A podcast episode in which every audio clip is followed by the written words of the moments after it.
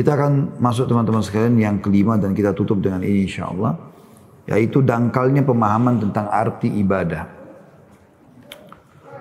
Kata penulis, ibadah sebagaimana dikatakan oleh Syekh Islam Ibn Taimiyah rahimahullah adalah nama bagi segala sesuatu yang dicintai Allah dan ridhoinya berupa perbuatan dan perkataan lahir maupun batin. Itu ibadah.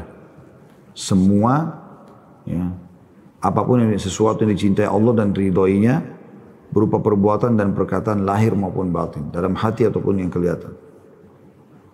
Maka ibadah adalah mencakup seluruh ucapan dan perbuatan baik. Sedekah adalah ibadah, senyum adalah ibadah, mencintai dan membenci karena Allah adalah ibadah.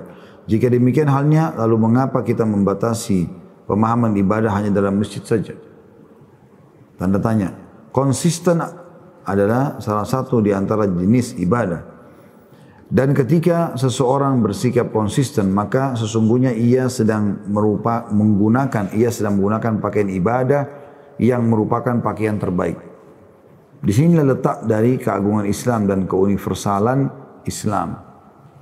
Bergaul atau berinteraksi adalah bagian daripada Islam. Menasihati adalah bagian daripada Islam. Mencintai manusia adalah bagian daripada Islam. Senang bila mereka mendapat kebaikan adalah bagian daripada agama Islam.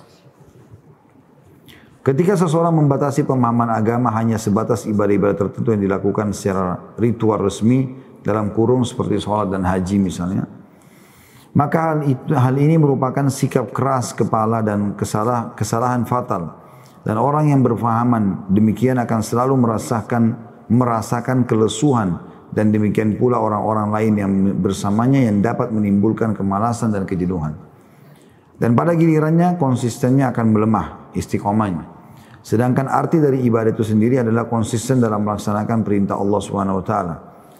Maka kesimpulannya adalah bahwa di masjid adalah ibadah, bersama keluargamu adalah ibadah, merupakan kontroversi jika Anda bersikap baik pada orang lain sementara pada keluarga Anda sendiri Anda bersikap keras dan kasar.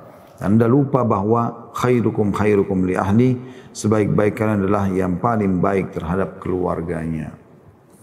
Nah, ini teman-teman dua poin empat dan lima yang bisa menambah atau e, menambah keimanan dalam arti kata kalau kita menjauhi dan kalau kita mengerjakannya justru jauh dari keimanan atau melemah iman itu.